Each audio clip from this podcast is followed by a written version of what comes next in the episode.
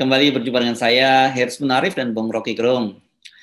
Bung Rocky Gerung kemarin ya hari Senin tanggal 7 eh, Februari eh 7 September itu udah ulang tahun ke-17 eh, kematian eh, Munir, nih sahabat kita Munir yang diracun di atas pesawat nih buat anak-anak milenial yang mungkin waktu itu belum lahir kita coba sekedar mengingatkan kembali dan ada 100 uh, eh, lebih tokoh-tokoh yang uh, minta agar pemerintah membongkar atau mengungkap siapa sebenarnya dalang di balik kasus ini karena kan ada yang disebut sebagai operatornya pada waktu itu kru Garuda yang dia sudah menjalani uh, pidana dan sudah bebas juga tapi orang masih nggak percaya bahwa dia adalah pelaku dari pembunuhan Munir ini.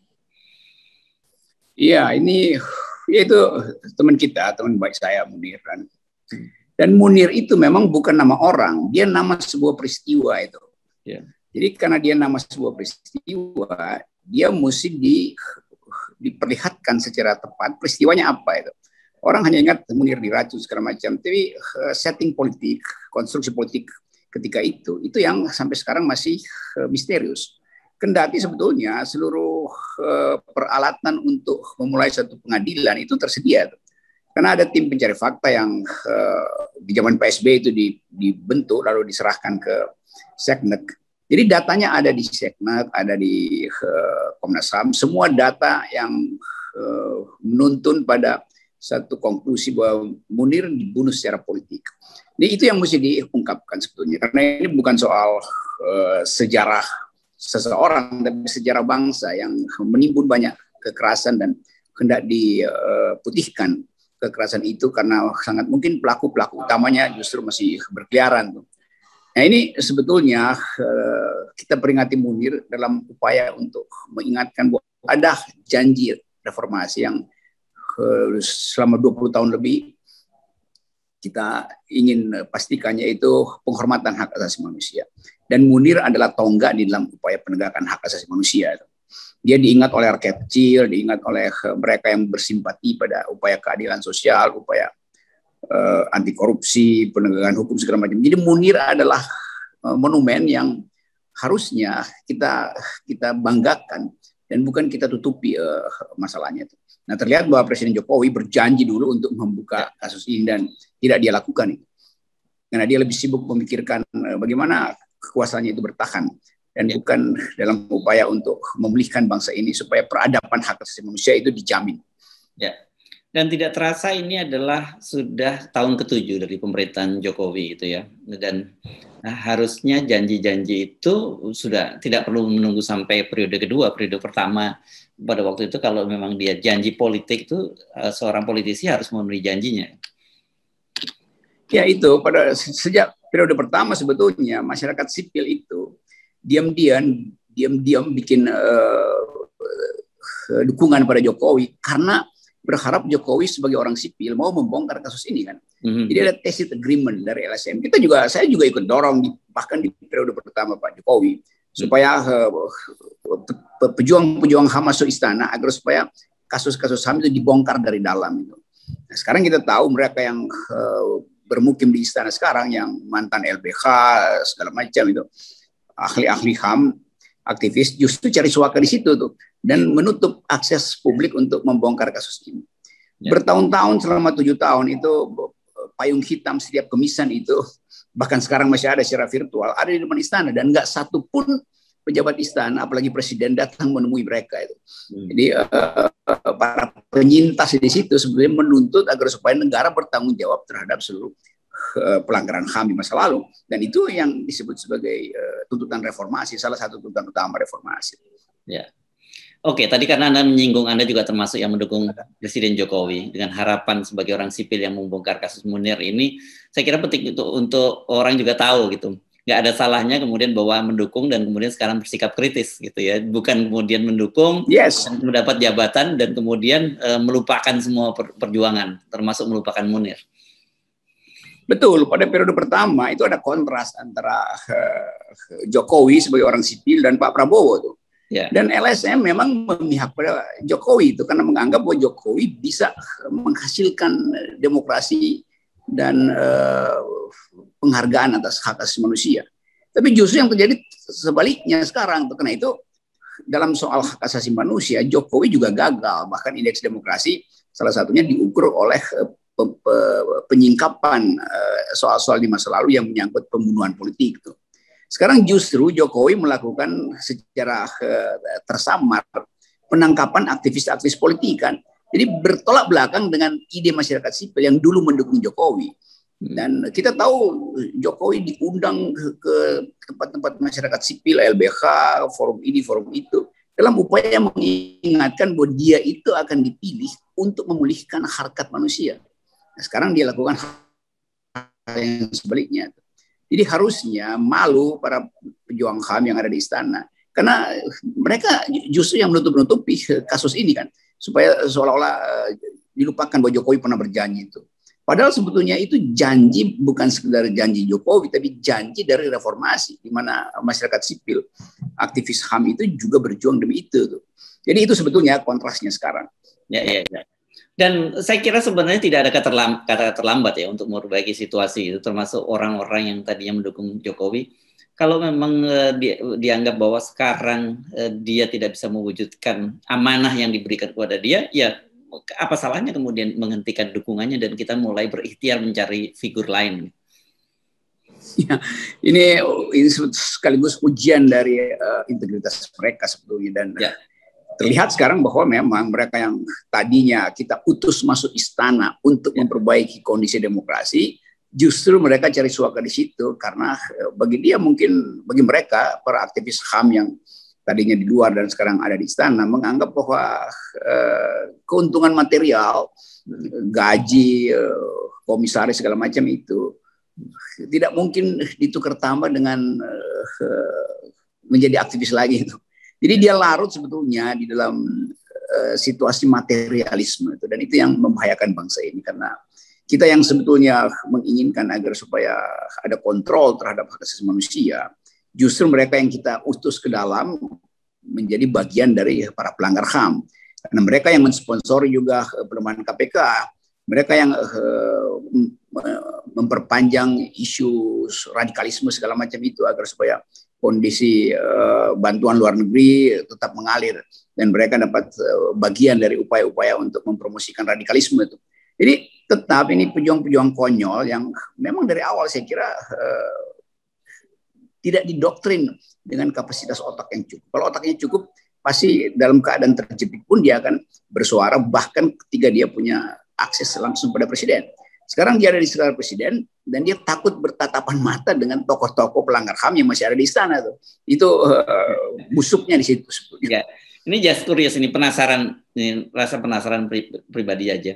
Ada nggak rasa semacam penyesalan uh, buat anda gitu karena anda pernah mendukung Jokowi? Uh, bukan menyesal sebetulnya. Saya akhirnya memutuskan untuk menilai bahwa ya memang kapasitas orang. Dari awal nggak mampu untuk uh, membuat kejutan dalam bidang HAM. Juga mereka yang kita izinkan masuk ke istana sebetulnya juga pengecut-pengecut. Jadi udah kita terima itu sebagai fakta bahwa kedunguan dan kepengecutan itu yang menyebabkan hak asasi manusia tertunda-tunda. Ya, dan ya. penundaan pada Munir itu menunjukkan bahwa memang konsep hak asasi manusia tidak ada di otak presiden. Ya. Nah, banyak orang yang pembenci Anda. Kan Anda juga di luar banyak penggemar, Anda banyak haters juga banyak-banyak ya follower Anda. Itu menyatakan bahwa Anda ini selalu kritis, eh, selalu me, apa apa apa pun kebijakan pemerintah dikatanya salah itu karena Anda nggak kebagian jabatan tuh Bung Rocky. ya itu karena dia ukur uh, hidup saya uh. atau uh, kapasitas saya dengan kapasitas dia itu. Hmm. kan hanya itu ukurannya tuh supaya uh, membujuk-bujuk saya mungkin supaya uh, ikut bersama-sama bergerombol dalam kedunguan itu. Dan itu bukan watak dari awal itu. Saya bertahun-tahun ada di uh, eh, LBH, di semua lembaga hak asasi manusia, hmm. uh, soal kesetaraan gender, demokrasi, HAM segala macam. Dan saya menilai bahwa orang akhirnya uh, diuji paling kuat ketika dia diberi kesempatan untuk uh, memanfaatkan kekuasaan. Dan ternyata dia nggak mampu itu. Jadi ajaib bahwa mereka yang matanya tajam melihat pelanggaran HAM ketika di luar, yeah. itu masuk itu matanya semacam ditutup itu lalu beralih menjadi pemuji-muji mereka memuji-muji rejim yang justru sedang melanggar HAM gitu. Yeah. kan ada sampai sekarang masih ada kasus-kasus uh, aktivis yang ditangkap, yeah. uh, kritisi kritisi ustadz-ustadz yang kritik pada pemerintah tapi dianggap radikal padahal itu kritik kan hmm. ada uh, Habib Rizik yang uh, dianiaya uh, dengan cara uh, bahkan memplagiasi uh, pertimbangan keputusan kan ini satu paket dan mereka yang ada di istana diam aja tuh hmm. Padahal sebetulnya ini yang mesti mereka perjuangkan supaya penegakan hukum didasarkan pada prinsip keadilan bukan pada prinsip pertimbangan politik. Jadi ya. memang dari awal saya anggap mereka ini memang ya udah dungu ngapain kita menyesal pada orang dungu. Oke, okay.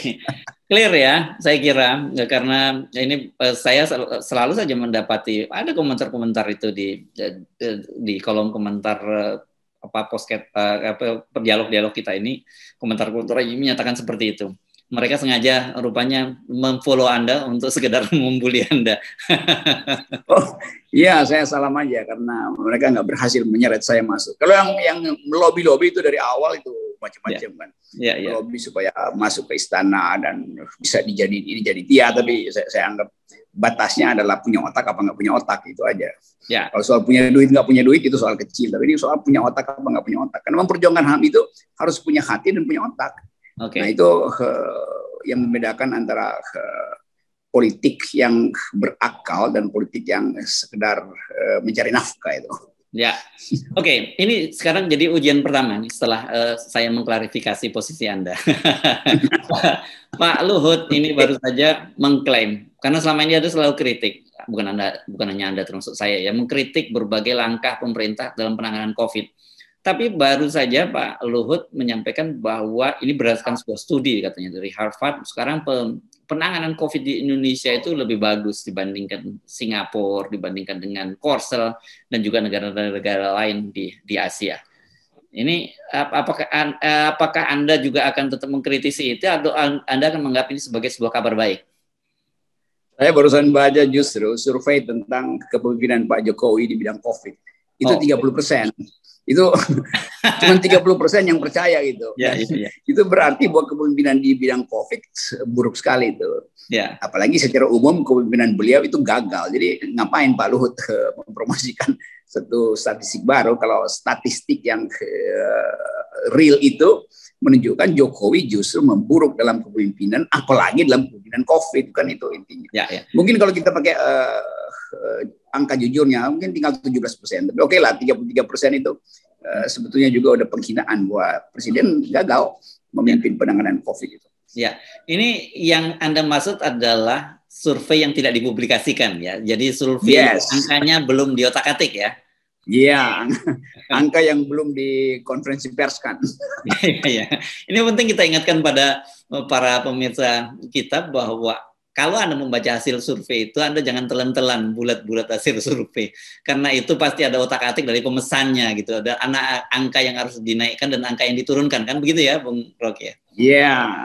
Kan mestinya itu uh, akademisi uh, bikin uh, analisis lalu akademisi yang ngomong kalau uh, istana sendiri yang ngomong itu artinya ajaib angkanya nanti kan hmm. kan kalau Pak Luhut yang ngomong kan orang nggak percaya apalagi kalau presidennya yang ngomong ya. kita mesti bandingkan dengan studi lain yang mengatakan bahwa kasus Indonesia itu lima kali dari yang diucapkan pemerintah tuh jadi ya. kalau uh, kita korting 500 persen akhirnya kan ya ya oke okay.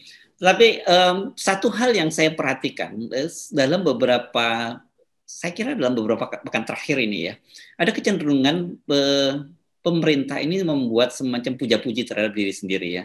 Kita masih ingat yang paling uh, fenomenal adalah pertumbuhan angka 7% yang walaupun sebenarnya mereka tahu juga bahwa itu uh, basisnya adalah membandingkan tahun 2020 semester uh, uh, kuartal kedua tahun 2020 dengan 2021 itu uh, ya angkanya menjadi sangat tinggi, tapi tidak menyerbenkan keseluruhan uh, fundamental ekonomi kita.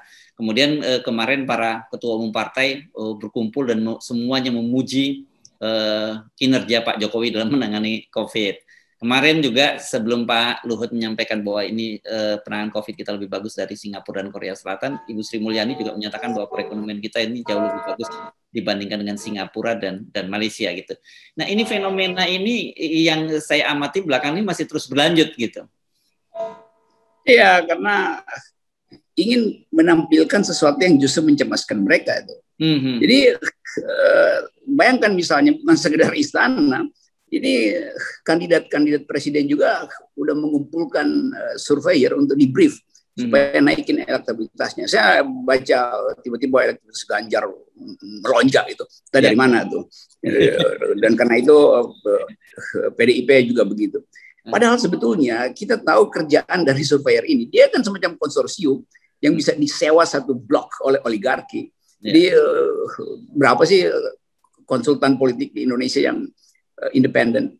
Yeah. Surveyor merangkap konsultan politik. Paling tiga empat surveyor besar yang digaji uh, diijon oleh satu satu dua oligarki lalu tiba-tiba nama Ganjar melonjak itu dan satu Indonesia itu ini ajaib gitu kan mm-hmm. dan keajaiban ini yang membuat rakyat menganggap kok gampang betul ya untuk uh, uh, masuk di dalam putaran politik itu tapi tetap rakyat menganggap bahwa karena udah terbiasa uh, mendengar hasil survei, mereka anggap oke okay, itu benar, tapi di negara Wakanda itu kan. Kira-kira begitu. Iya iya. Nah kalau bicara soal Ganjar ini menarik ini. Ada uh, uh, KPK ini lagi-lagi. Dia mengajak Ganjar untuk semacam menjadi apa? Semacam tenaga penyuluh lah. Kalau kemarin kan gitu ya penyintas korupsi dia dia dia dia jadi penyuluh. Nah, dia Ganjar cocok untuk uh, apa? Karena dianggap bahwa pemerintah eh, di kepala-kepala daerah di Jawa Tengah itu eh, paling taat dalam menyampaikan laporan harta kekayaannya ke KPK. Padahal kita tahu eh, fakta-fakta yang data-data yang dilaporkan itu tidak real seperti yang harta kekayaan yang mereka miliki kan gitu. Ya, mungkin Ganjar diminta uh, bikin penyuluhan mengapa Jawa Tengah itu tetap miskin, nggak punya akses pada modernitas misalnya. Itu kan banyak di daerah Jawa Tengah justru yang uh, di pulau pulau di mana ibu kota eh, terletak jalur uh, bisnis uh, utama tetapi tetap miskin tuh kan uh, indeks uh, human development indeksnya tuh turun ya. jadi kita mau tanya itu kenapa Ganjar uh, tidak bisa menaikkan uh, indeks harapan hidup di Jawa Tengah itu bukan mengajarkan bagaimana jangan korupsi kan soalnya adalah nama Ganjar bahkan disebut lagi ya, dalam ya, ya. Uh, media masa hari ini keterlibatan dia atau nama dia itu udah pernah disebut oleh KPK dalam kasus KTP kan. Iya. Dan itu udah ada eh, gerakan yang menganggap bahwa sebaiknya KPK ini kira-kira kalau oh, mau cari uh, tokoh untuk dijadikan panutan gitu kan. Jadi itu yang akan jadi uh, baggage buruk atau uh, beban bagi Ganjar tuh. Nah kita menganggap bahwa bagian ini pasti nanti akan dipoles lagi dengan survei yang menaikkan lebih lagi itu uh, uh, elektabilitas Ganjar. Jadi ini semuanya bubble sebetulnya nih, hmm. balon yang ditiup-tiup doang. Ya, ya. Oke, saya kira uh, dalam situasi ini semacam ini kita perlu memberikan semacam panduan bahwa paling bagus adalah uh, itu cara yang diajarkan oleh Presiden Jokowi juga. Kita membaca selalu terbalik apa yang disampaikan oleh para para para penguasa dan juga lembaga survei. Ya saya khawatir nanti uh, Mbak Puan tergoda untuk pakai surveyor lain juga untuk naikin elektabilitasnya dalam persaingan dengan Ganjar. Ini ya makin makin jadi buruk. Saya justru uh, berupaya untuk melihat secara pelan-lahan bahwa ketakutan Ganjar karena uh, sebetulnya agak palsu dukungannya, maka dia sewa uh, surveyor ini. Saya mencurigai itu secara metodologis dan Puan diam-diam eh, meletakkan uh, legasinya melalui bantuan sosial tuh. Mm-hmm. Dan memang uh, PDIP tentu yang paling mendapat keuntungan dari uh, pemberian bansos karena langsung itu dijadikan sebagai pertanda bahwa PDIP turun ke bawah itu. Padahal kita tahu itu uang negara sebetulnya bansosnya. Ya, ya, ini ya. juga satu ya, ya. politik yang uh, oportunis sebetulnya. Jadi hmm. kita hidup dari uh, keadaan yang uh, penuh tipu-tipu itu secara eh, gampang kita lihat bahwa masyarakat sedang menilai, tapi karena memang ada kesulitan ekonomi, akibatnya pemberian bansos itu dianggap sebagai sesuatu yang mensejahterakan rakyat melalui PDIP. Tapi satu waktu nanti harus diterangkan menjelang uh, pemilu bahwa proses-proses semacam ini justru memanfaatkan uh, anggaran negara dan ya. itu nggak boleh sebetulnya. Kalau PDIP mau buka dapur ya buka dapur yang betul-betul berasal dari kas partai, bukan memanfaatkan uh, bansos yang disalurkan melalui uh, struktur yang memang uh, bisa dimanfaatkan oleh PDIP sebagai partai yang berkuasa. Ya, tapi lumayanlah sekarang daripada habis digunakan untuk dana beli baliho, ya uh, dipakai untuk dapur umum itu lebih bagus gitu sementara gitu. Iya. Nanti kita ingetin, cek juga itu dana uh, dapur umum itu dari mana gitu. Nah, bagian ini yang uh, harusnya ada catatan dan begitu politik sedikit menjadi terbuka, maka bagian-bagian itu juga harus masuk menjadi penelitian uh, koruptor itu, eh, penelitian KPK itu. Bukan. Um, Jadi sebetulnya rampok rampok uang uh, uang rakyat. Oleh, Jadi nanti misalnya kalau Ganjar direkrut oleh KPK, Ganjar yang akan memeriksa kemasuk akalan dana-dana bansos yang justru disalurkan oleh PDIP. Nah itu ya. pertanda akan terjadi konflik lagi di situ atau semacamnya saling tahu lah ya. dan saling tutup mulut. Yes, baik Bung Rocky terima kasih. Sampai kita jumpa lagi besok. Ya tetap kita harus ingatkan bahwa Munir itu adalah nama sebuah peristiwa dan kita ingin peristiwa itu dibongkar. Yes.